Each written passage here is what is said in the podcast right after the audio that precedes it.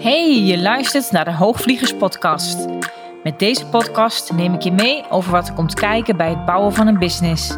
Over zichtbaarheid, over marketingwetmatigheden en beproefde strategieën. Dit alles gedeeld vanuit mijn meest eerlijke learnings en gedreven door mijn missie om ondernemers op grote hoogte te laten vliegen en een concessieloze business te bouwen. Ik ben Chantal Hagedoorn, business coach voor bevlogen ondernemers en dit is de Hoogvliegers Podcast.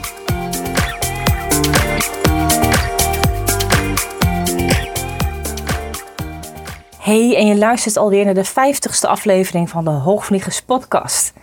Aflevering 50. Nou, het is eigenlijk wel een mijlpaal. Ik heb niks eh, speciaals voor voorbereid. Maar misschien wel even een momentje voor mezelf om bij je stil te staan. Ik zit zelf nu, uh, het is in de ochtend vroeg dat ik dit opneem. Ik heb ook zo meteen nog een afspraak buiten de deur. En ja, de podcast moet er dus voor die tijd opstaan. Dus ik heb max een, een half uurtje om deze podcast op te nemen. En dan stuur ik hem door naar mijn podcast-editor, naar Tiana. En daar moeten jullie het dan mee doen. Met deze 50ste aflevering. En uh, ik weet nog zo dat ik ook daar uh, vorig jaar mee begon. En heel eerlijk is het wel zo dat ik wel een tijdje dus een break heb gehad in, in het opnemen van mijn podcast. Er is toch ergens halverwege de klad erin gekomen. Had ik mijn focus op andere dingen. Onwijs zonde denk ik wel eens, want anders waren er nu al veel meer episodes geweest. Maar goed, weet je, je kan heel erg uh, ja, terugkijken en kijken naar wat niet is geweest. Maar liever kijk ik naar wat, wat wel is. Ja, dus ik ben best een beetje trots op deze 50ste aflevering. Vandaag wil ik je meenemen in het topic positioneren. Positioneren kun je leren, zeg ik wel eens gekscherend. Het is een beetje flauw, maar is wel zo. En ik merk wel, ik heb het natuurlijk best vaak over positioneren. Hè, over welke positie neem je nu letterlijk in. Daar gaat het natuurlijk over. het gaat over je eigen plek innemen, je eigen waarde kennen. Het hangt samen met welke eh, niche je natuurlijk hebt gekozen. Maar het hangt ook nog samen met een aantal meer dingen. En omdat ik weet dat heel veel mensen positioneren toch best wel een lastig ja, onderwerp vinden. We hebben het allemaal nodig als ondernemer. En of je daar nu heel bewust al mee bezig bent of soms wat meer onbewust. We doen het vaak, ja, we werken er vaak allemaal wel aan zeker als je ook heel erg uh, vanuit jezelf uh, onderneemt. En als je zelfstandig ondernemer bent, een product of dienst hebt neergezet wat heel erg ja, vanuit jou komt, dan zit er altijd al automatisch een stuk positionering aan vast in wat je daarin van jezelf laat zien. Ik weet ook dat als uh, ondernemers hier bewust mee bezig gaan, het echt nog veel meer voor ze kan betekenen en het ook echt een groeispurt voor ze kan opleveren. Maar omdat ik ook wel eens over, ja, wat is positioneren nu eigenlijk echt? Voor sommige mensen is het ook wat ongrijpbaar, voelt het soms ook een beetje als, als gebakken lucht. En uiteindelijk denk ik dat het alleszins gebakken lucht is, als je er bewust mee bezig gaat. Alleen zul je wel dienen te kijken naar natuurlijk wat heel erg de juiste positionering is voor jou. En waarom zeggen mensen nu soms, ja, het voelt als gebakken lucht. Dus soms met marketing zegt men dat ook wel eens dan kan ik me voorstellen als je dat zegt op het moment dat iets voelt voor jou als een trucje. Ik denk dat het juist de meest krachtige positionering, maar ook wat je in marketing en wat je in sales laat zien. Ik denk dat die het meest krachtig is als die echt komt vanuit jou en vanuit jouw kern, vanuit jouw essentie en uh, vanuit je hart. En ik denk als je hem op die manier kan pakken, en het start dus ook al met je positionering, dan kan het volgens mij nooit als een trucje voelen laat ik even iets meer dus vertellen over wat uh, positioneren nu is. Als je nu kijkt naar de term positioneren aan zich, wat is nu eigenlijk positioneren? Het is het kiezen hè, van een onderscheidende, relevante, maar ook een geloofwaardige positie in het hoofd van je ideale klant.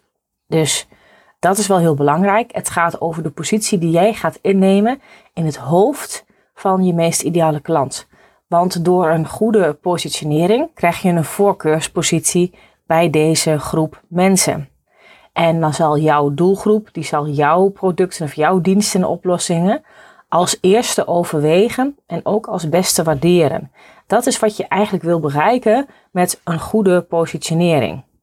Ik denk ook dat positioneren in de afgelopen tijd nog veel meer belangrijker is geworden in het kader van nou, drie ontwikkelingen die ik kan noemen. Enerzijds is dat echt een explosie op de markt door de toename van uh, producten en diensten, ook online. En natuurlijk heeft ook de hele coronacrisis daar ook aan bijgedragen. Maar die groei was er sowieso al. Er is ook wel een toenemend belang van de ondernemers en van de bedrijven achter deze producten en diensten. Dus ook bij de ondernemer zelf is er vaak veel meer bewustwording. En een derde ontwikkeling die ik ook zie is dat er ook een enorme media-explosie is. En dat ja, is niets anders dan een enorme groei van media en van reclameuitingen. Ik denk daarmee ook dat dat in positionering, in marketing en in sales, daar werkt ook niet meer per se exact hetzelfde als wat bijvoorbeeld pakweg vijf jaar geleden nog wel heel goed werkte. Je ziet daar echt een verschuiving in. Je ziet ook ja, veel meer bewustwording dus bij de ondernemers en bij de bedrijven achter de producten of diensten. Maar er is ook veel meer bewustwording bij de klant. De klant gaat het steeds belangrijker vinden over welk verhaal er achter een product of een dienst zit. Wat de drijfveren zijn van een onderneming. Welke kernwaarden een onderneming heeft en of dat passend en kloppend voelt voor de klant zelf. Men wil niet zomaar meer overal kopen. En het kan zijn dat voor de een bijvoorbeeld duurzaamheid heel erg belangrijk is. En ja, ik geloof ook gewoon echt, ook als je het hebt over duurzame kleding en, en dat soort dingen, dat het allemaal steeds belangrijker gaat worden. En natuurlijk weet ik ook dat heel veel mensen uh, bewijs van nog wel alles uh, kopen bij, uh, bij de grote winkels. Ik heb daar ook geen oordeel over. Maar er, er komt ook steeds meer een, een veel specifiekere groep die wel heel bewust kiest voor bepaalde bedrijven die een bepaalde visie hebben, een filosofie hebben. Nou, ik denk ook die vooral ook gaan voor een stuk kwaliteit. En daar is steeds meer een grotere groep die zich daar steeds meer bewuster naar kijkt en kiest voor dit soort producten of diensten. Positioneren die gaat hierbij over je merk, het gaat over je reputatie, het gaat ook over je design. En hoe kom je nou hiermee tot een goede positionering? Dat doe je door te kijken zeg maar, naar een stukje analyse. En die analyse die gaat over de merkidentiteit, die gaat over je doelgroep en het gaat over je concurrentie. Ja, ook over je concurrentie. Daar zal ik straks iets meer over vertellen. Het gaat over je positioneringsstrategie. Dus hoe krijgt nu de positionering betekenis en vanuit welke essentie, welke essentie wordt vooral overgebracht? En een stukje praktisch. En dat is dat je vanuit een stukje strategie bedenk je dus een zogenaamd ja, campaignable concept, zoals het zo eh, mooi heet. En dat is eigenlijk het centrale thema dat terugkomt in alle uitingen. Om een voorbeeld te geven, om dit iets meer tot de verbeelding te laten spreken, uh, neem ik je even mee naar een voorbeeld van Dove. Als ik kijk bij Dove, bij deze drie punten, dan is de analyse is dat het schoonheid zonder kunstmatigheden is. En het gaat ook over onzekerheid van vrouwen. Dat is hun analyse. Dan is de strategie van, hé, hey, waar gaan we nu vooral op inzetten? Dat is zelfvertrouwen. En dat zouden we dus de merkessentie kunnen noemen. En waarschijnlijk herken je dit wel als ik dit zeg. Als je nu kijkt naar de campagnes van Dolf allemaal, wat je ziet gaat heel vaak over, nou, we laten echte vrouwen zien. Het gaat over een stukje ja, zelfbewustzijn. Het gaat over eh, body positivity. Het gaat over zelfvertrouwen. En dat is dus wat ze heel erg meegeven. En hun campaignable concept, is hoe ze het dus verpakken, is dus dat ze het zinnetje eraan hebben gekoppeld. Het begin van echte schoonheid. Nou, dus het gaat eigenlijk dus helemaal niet zozeer over het product zelf. Je ziet dat het, dat het hele concept eromheen is gebouwd. Dat er dus een hele positioneringsstrategie aan vasthangt. En een van de campagnes is ook wel bijvoorbeeld waar uh, zie je een grote plaat staan van een uh, vrouw in een donkerrode BH, stralend en lachend voor de camera. En zij, de quote die erbij staat is: één op de twee vrouwen krijgt kritiek op haar lichaam. Uh, dit moet stoppen. Nou, dus daar staan zij heel erg voor en daar gaan hun campagnes ook heel erg over. Nou, als je nu op jezelf betrekt en je doet deze analyse bij jezelf op je eigen merkidentiteit, dan kan je jezelf dus de volgende vragen stellen. Ik neem je even mee door een viertal vragen. De eerste vraag is: wie ben jij? Wat vind je belangrijk? Hoe wil jij werken? En waar wil jij de focus op leggen? Nou, en misschien wil je ze opschrijven voor jezelf, want dan kun je ermee aan de slag. De tweede vraag is: waar ben je nu heel goed in? En zelfs beter dan je concurrenten. En ja, dat is nergens dat je dan. Uh, ik, ik hoor dat bij, bij mijn klanten ook wel eens zeggen dat ze zich dan soms haast bezwaard voelen om dit te gaan roeptoeteren. En je hoeft ook niet letterlijk natuurlijk te zeggen dat je beter bent uh, dan je concurrent ergens in. Daar gaat het helemaal niet over. Maar kan je zelf zien waar jouw onderscheidende vermogen ligt? Kan je wel zien welk stukje jij beter doet dan de concurrent? En kan je dat stukje waar jouw onderscheidend vermogen dan ook ligt, uiteindelijk is het ook niet zoveel met die concurrent te maken, maar in het stuk positioneren is het soms wel handig om te weten van jezelf is, mag je dat dan op een groter podium zetten? Kan je dat wat meer laten zien? Kan je dat meer uitlichten? Nou, de derde vraag is, wat is jouw visie op de toekomst en welke groeidoelstellingen streef je na? Die is wel heel belangrijk, want ik zie toch dat heel veel ondernemers hier vaak nog veel te weinig bij stilstaan. Die hebben vaak wel een korte termijn strategie. Die gaat voor een jaar vooruit, maar waar je nu eigenlijk over twee of drie jaar naartoe aan het werken bent, uh, ze hebben eigenlijk geen idee. En de vierde is, op welke waarden wil jij nu de nadruk leggen? En die is ook erg belangrijk om wel uh, te weten van jezelf. En daar zal ik straks nog iets meer over vertellen. Nou, een ander stuk die hier natuurlijk ontzettend belangrijk bij is, is natuurlijk de doelgroep. Dus welke niche bedien je nu eigenlijk? En ik zeg altijd van probeer altijd nog een stukje verder door te nichen. Dat is natuurlijk helemaal geen, uh, geen goed Nederlands, maar ik denk wel dat je snapt wat ik hiermee bedoel. Want heel vaak is het eerste niche waar mijn klant mee komt als ik met deze persoon in gesprek zit, dan wordt hij vaak gedurende het jaar waarin ik met mijn klanten samenwerk, nog wel weer eens een aantal keren aangescherpt. En je krijgt hem dan vaak steeds beter op je netvlies, steeds beter te pakken waar nu echt het verschil in zit. En dan durf je vaak ook nog steeds een stukje smaller te gaan. Want op het smalste punt van je niche, daar ligt de grootste winst. Daar ligt de meeste schaarste namelijk ook. En daar ben jij dus logischerwijs ook het meeste waard. En ik zeg dit vaak genoeg en toch zie ik dat heel veel mensen dit vaak ja, toch nog niet helemaal pakken. Toch nog daarmee wat breder houden. En alles is, is oké. het zijn uiteindelijk is het altijd de keuze die je zelf maakt van je bedrijf. Je maakt het jezelf namelijk lastiger op het moment dat je je doelgroep breder houdt. We denken vaak, hé, hey, we maken het hiermee makkelijker voor onszelf. Maar het is vaak onze eigen angst die ons in de weg zit om niet smaller te durven kiezen. En daarmee maak je het voor jezelf moeilijker. Als er één ding is die je van me mag aannemen, dan is dat wel dit. het helpt dus heel erg om echt een persona te maken van je meest ideale klant.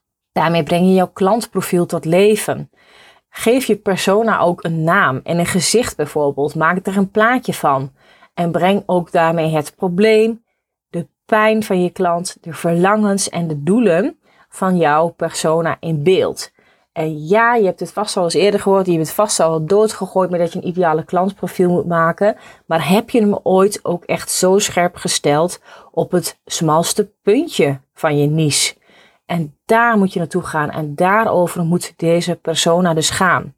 Tip die ik je daarbij mee kan geven is uh, PictoChart. Dat is een heel handig hulpmiddel om je eigen persona te maken en hier ook meer gevoel mee te krijgen. En dat vind je op de website pictochart.com. Dat is met een K in het midden. pictochart.com. En dan uh, slash templates slash 960 in cijfers, koppelstreepje persona, koppelstreepje introduction. Daar kan je een persona maken van jezelf. Een ander ding die heel erg uh, helpend is om tot een goede, ja, uh, hoe zou ik het zeggen? Door een goede connectie te kunnen maken met jouw niche, want daar gaat het uiteindelijk om. Is, en wat je in kan zetten ook bijvoorbeeld in je content en wat ook belangrijk is uh, voor jouw positioneringsstrategie, En hoe je dat in je uitingen terug mag laten komen, is dat je de eindwaarden achterhaalt van je meest ideale klant. Door, nou, door laddering heet dat, of laddering. En dat is een associatietechniek. Stel, hè, een voorbeeldje is bijvoorbeeld is dat een belangrijke kernwaarde van jouw ideale klant eigenheid is. Ik noem maar iets op. Vraag jezelf dan af waarom dit zo is. Weet je, we zijn heel vaak wel bezig met onze eigen kernwaarden als ondernemer. En die zetten we dan ook in in onze positionering. En dat anderen ons, ja, zich daarop dan kunnen herkennen.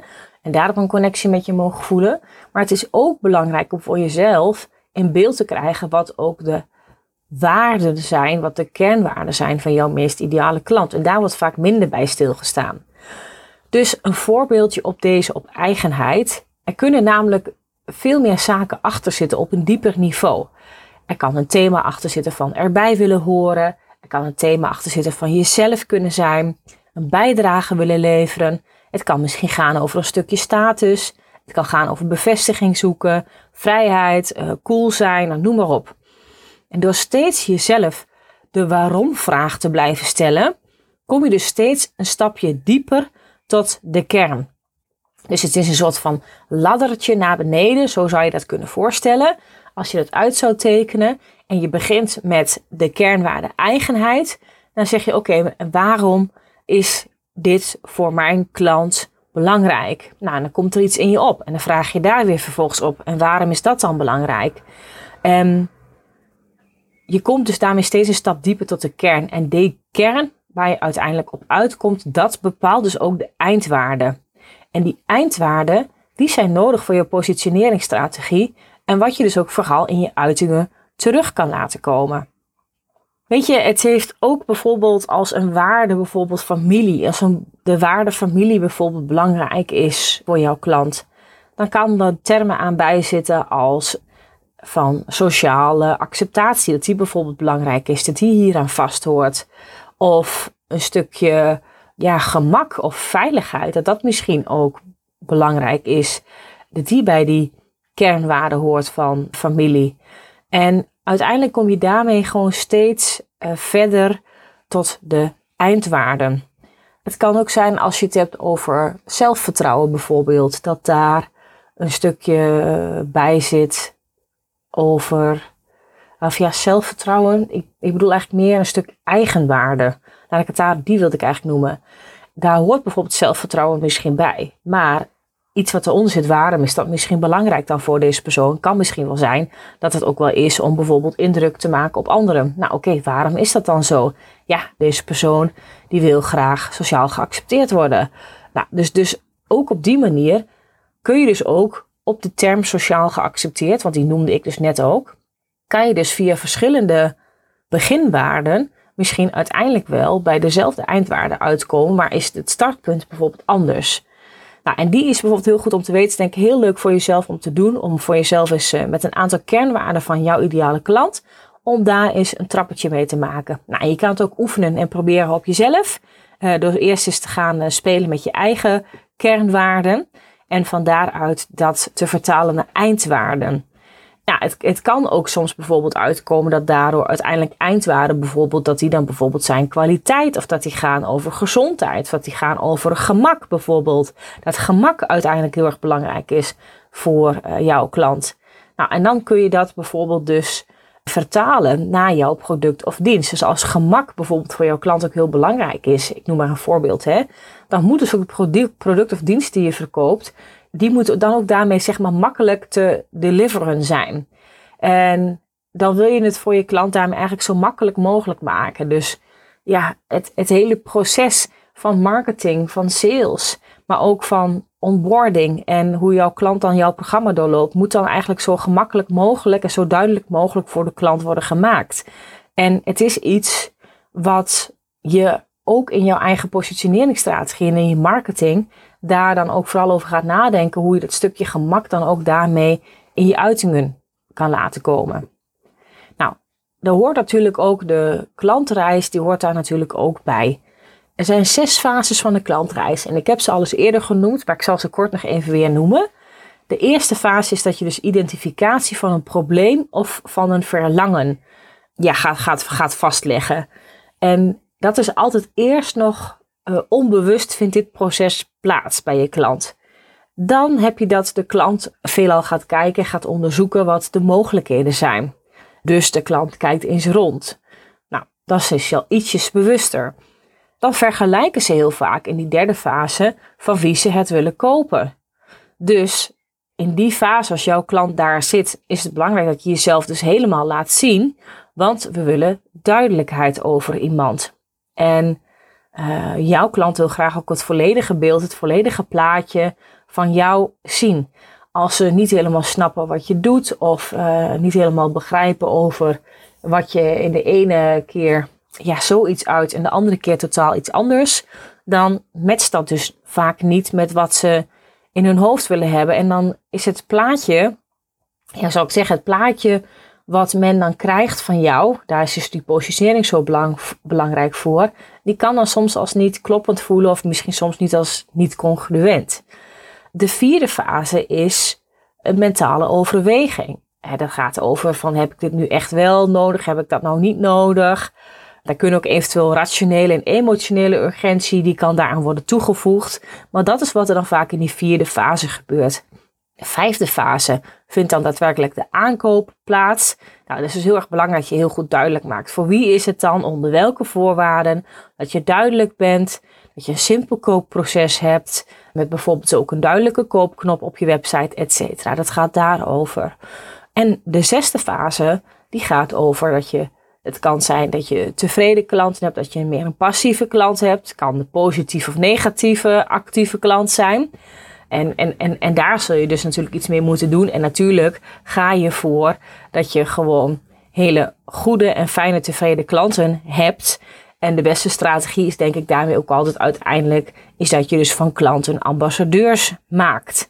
Nou, dus dat stukje van die klantreis is ook belangrijk om dat in je positionering mee te nemen. Want ja, jij zet misschien een heel proces uit aan de voorkant en denk na over wat je wel of wat je misschien niet van jezelf laat zien. En ondertussen loopt er bij jouw klant dus vaak dit proces. Nou weet je natuurlijk niet van de mensen die jou volgen, hé, hey, waar zit men dan nu in de klantreis?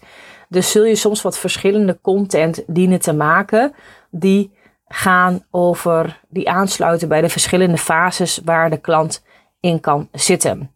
En wat ik net ook zei, als die klant eenmaal in fase 3 zit, vergelijkt van wie ze het wil kopen, dan is het dus wel belangrijk dat jij daar wel bent. En degene die ze vaak als laatste hebben gezien, of die vaak wel top of mind blijft, doordat diegene veel zichtbaar is, veel goede content maakt enzovoort, ja, die blijft dan toch vaak wel als eerste ja, naar voren komen.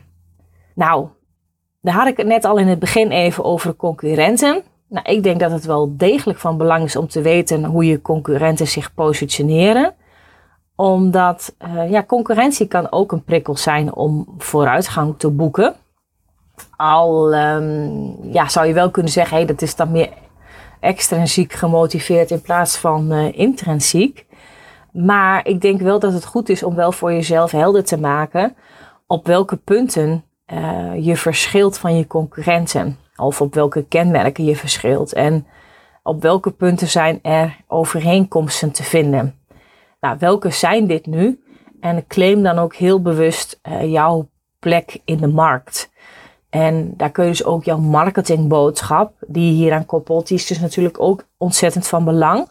Dat die dus ook daarmee ja, onderscheidend genoeg is. En nou kan je zo'n marketingboodschap echt wel weer tweaken en aanpassen. Dat is ook iets wat natuurlijk ook wel vaker gebeurt. En die marketingboodschap die groeit ook met je mee. Dus het is echt niet zo dat je het één keer kiest en dan heb je hem voor altijd.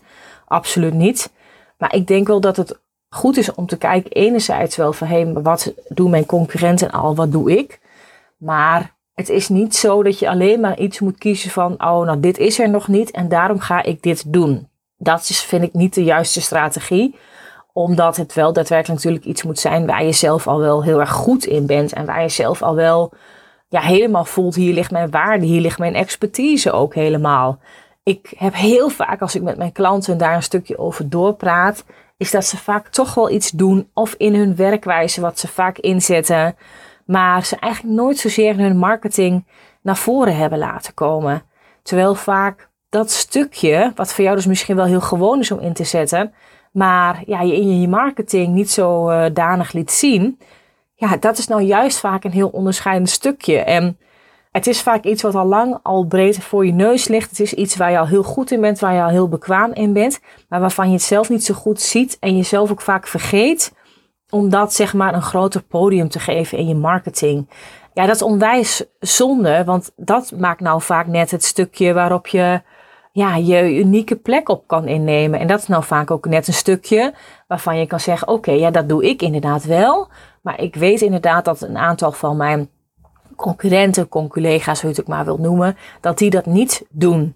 En dan is het wel heel ja, prettig als je hierop heel bewust wel jouw plekje in de markt kan pakken. Nou, ik zou wel zeggen, vervolgens laat je gewoon los wat je concurrenten doen.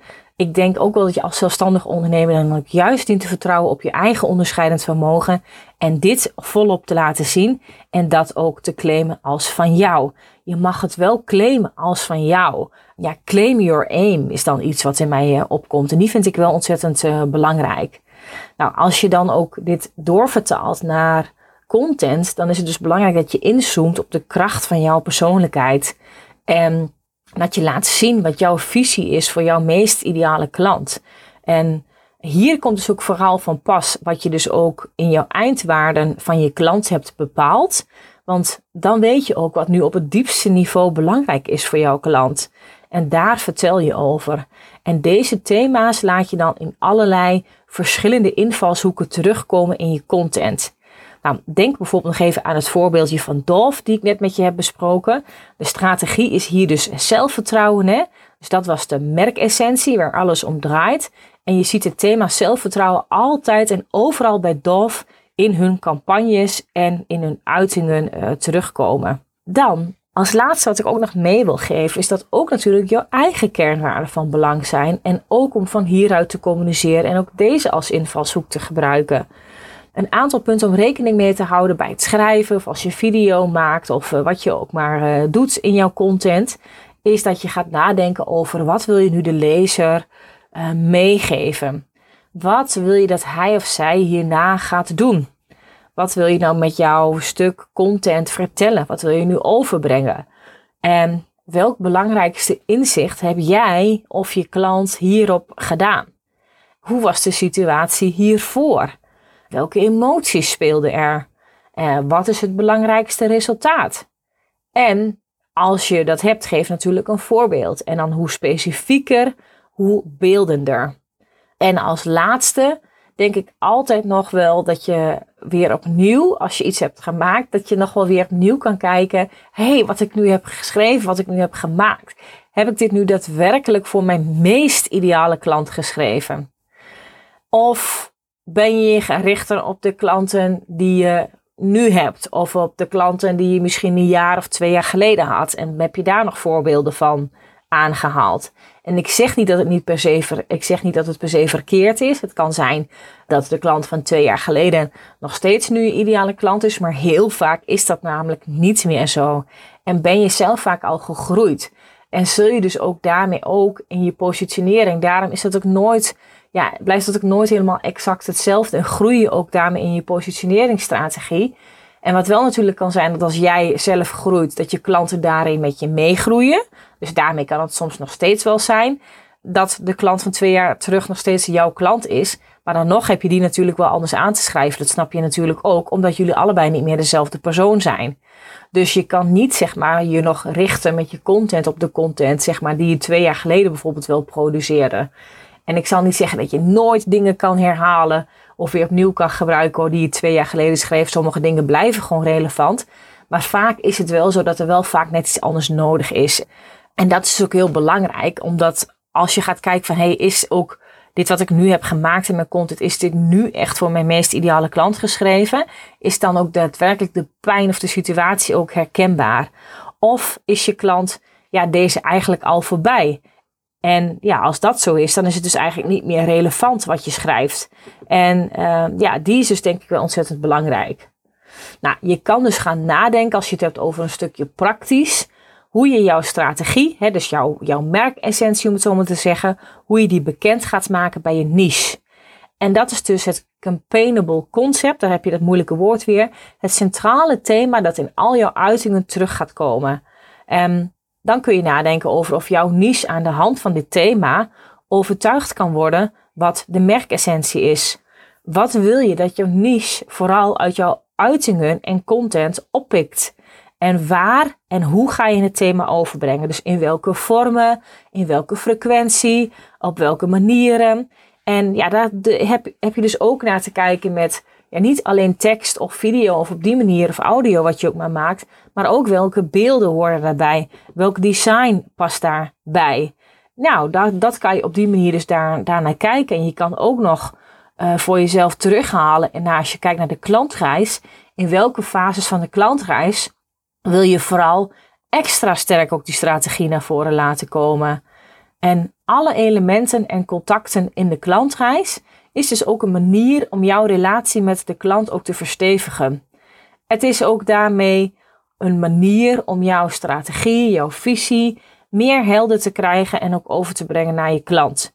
Nou, ik zou altijd wel zeggen, het is altijd wel, vind ik, het hele positioneringsverhaal is echt iets wat je moet gaan doen.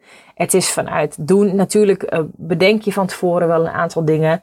Ik denk zeker met deze podcast, ja, ga er eens voor, voor, voor zitten. Doe eens een brainstorm met jezelf en ga er eens voor kijken of wat voor jou zeg maar daarmee een goede positioneringsstrategie zou kunnen zijn.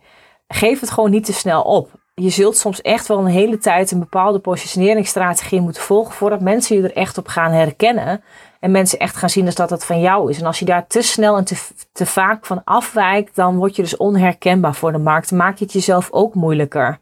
En het heeft ook vaak tijd nodig hè, om je eigen visie steeds sterker en scherper neer te kunnen zetten. Het heeft ook soms wat tijd nodig dat je leert om dit heel goed door te kunnen vertalen naar je content. Maar hoe beter je dit doet, hoe sterker jouw aantrekkingskracht zal zijn. Ja, mensen zullen soms ook daarmee ook gewoon wat aan je moeten wennen. Dus het is heel belangrijk dat je juist in dit proces uh, je boodschap dus niet afzwakt. Want als je je boodschap afzwakt, ja, dan ga je weer tot ja, de middenmoot behoren. Waar misschien al heel erg veel zijn, maar waar dus ook de concurrentie het meest sterk is. En of het grootst is, laat ik het zo zeggen. En is het alleen maar lastiger om uiteindelijk daarmee uh, ja, daar bovenuit te, stijgen. Nou, dat is wat ik in eerste instantie over het stuk positioneren uh, zou willen zeggen. Ik hoop dat het je heeft geholpen en dat je hiermee uh, aan de slag kan voor jezelf. Ik, ik zou zeggen, ga er eens een uurtje voor zitten en schrijf eens wat op. Doe eens wat brainstormen met jezelf. En het is altijd goed om dit van tijd tot tijd te doen. En als je daar nu persoonlijke hulp bij wilt, dan ben je natuurlijk uh, welkom in mijn nieuwe Open Up Mentorship, waar mijn vorige podcast 49 natuurlijk helemaal over ging. En dan ben je gewoon welkom en om een matchcall met mij te plannen.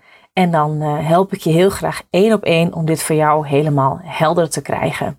En om jezelf hiermee goed neer te kunnen zetten vanuit een goede positionering, want daar start het toch ook heel vaak wel mee. En daarmee dus de voor jou mooiste klanten aan te trekken. Als laatste wil ik nog zeggen dat ik op 30 juni aanstaande een mid-year evaluatie, heb een moeilijk woord, mid-year uh, evaluatie ga houden. Ik doe dit voor mezelf altijd. Uh, natuurlijk altijd aan het begin van het jaar, maar ook altijd uh, halverwege het jaar. Nou, 30 juni zitten we halverwege het jaar en dan blik ik vaak terug op mijn doelstellingen die ik in januari heb gesteld, maar ook over ja, wie wil ik nou eigenlijk daarin zijn? Wat heb ik te doen? Wat is er nodig? Hoe wil ik dat mijn bedrijf zich om mij heen vormt? En, enzovoort, enzovoort. En dan maak ik vaak halverwege het jaar weer de balans op. En ik wil je uitnodigen om dat dit jaar samen met mij te doen. En ik heb dus plek voor max 20 ondernemers om dit in een Zoom-meeting samen met mij te gaan doen. Als je dit wil, dan kan je dus een kaartje daarvoor boeken.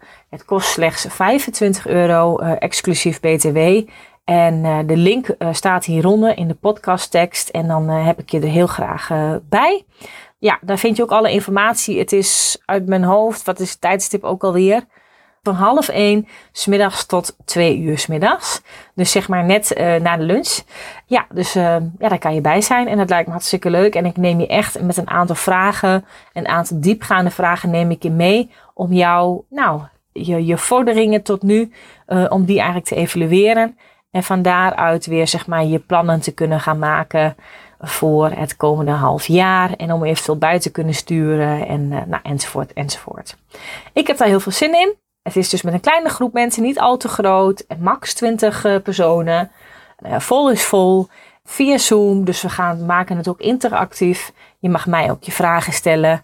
En wat ik ook zie bij jou, daar geef ik ook natuurlijk mijn ongezouten feedback op.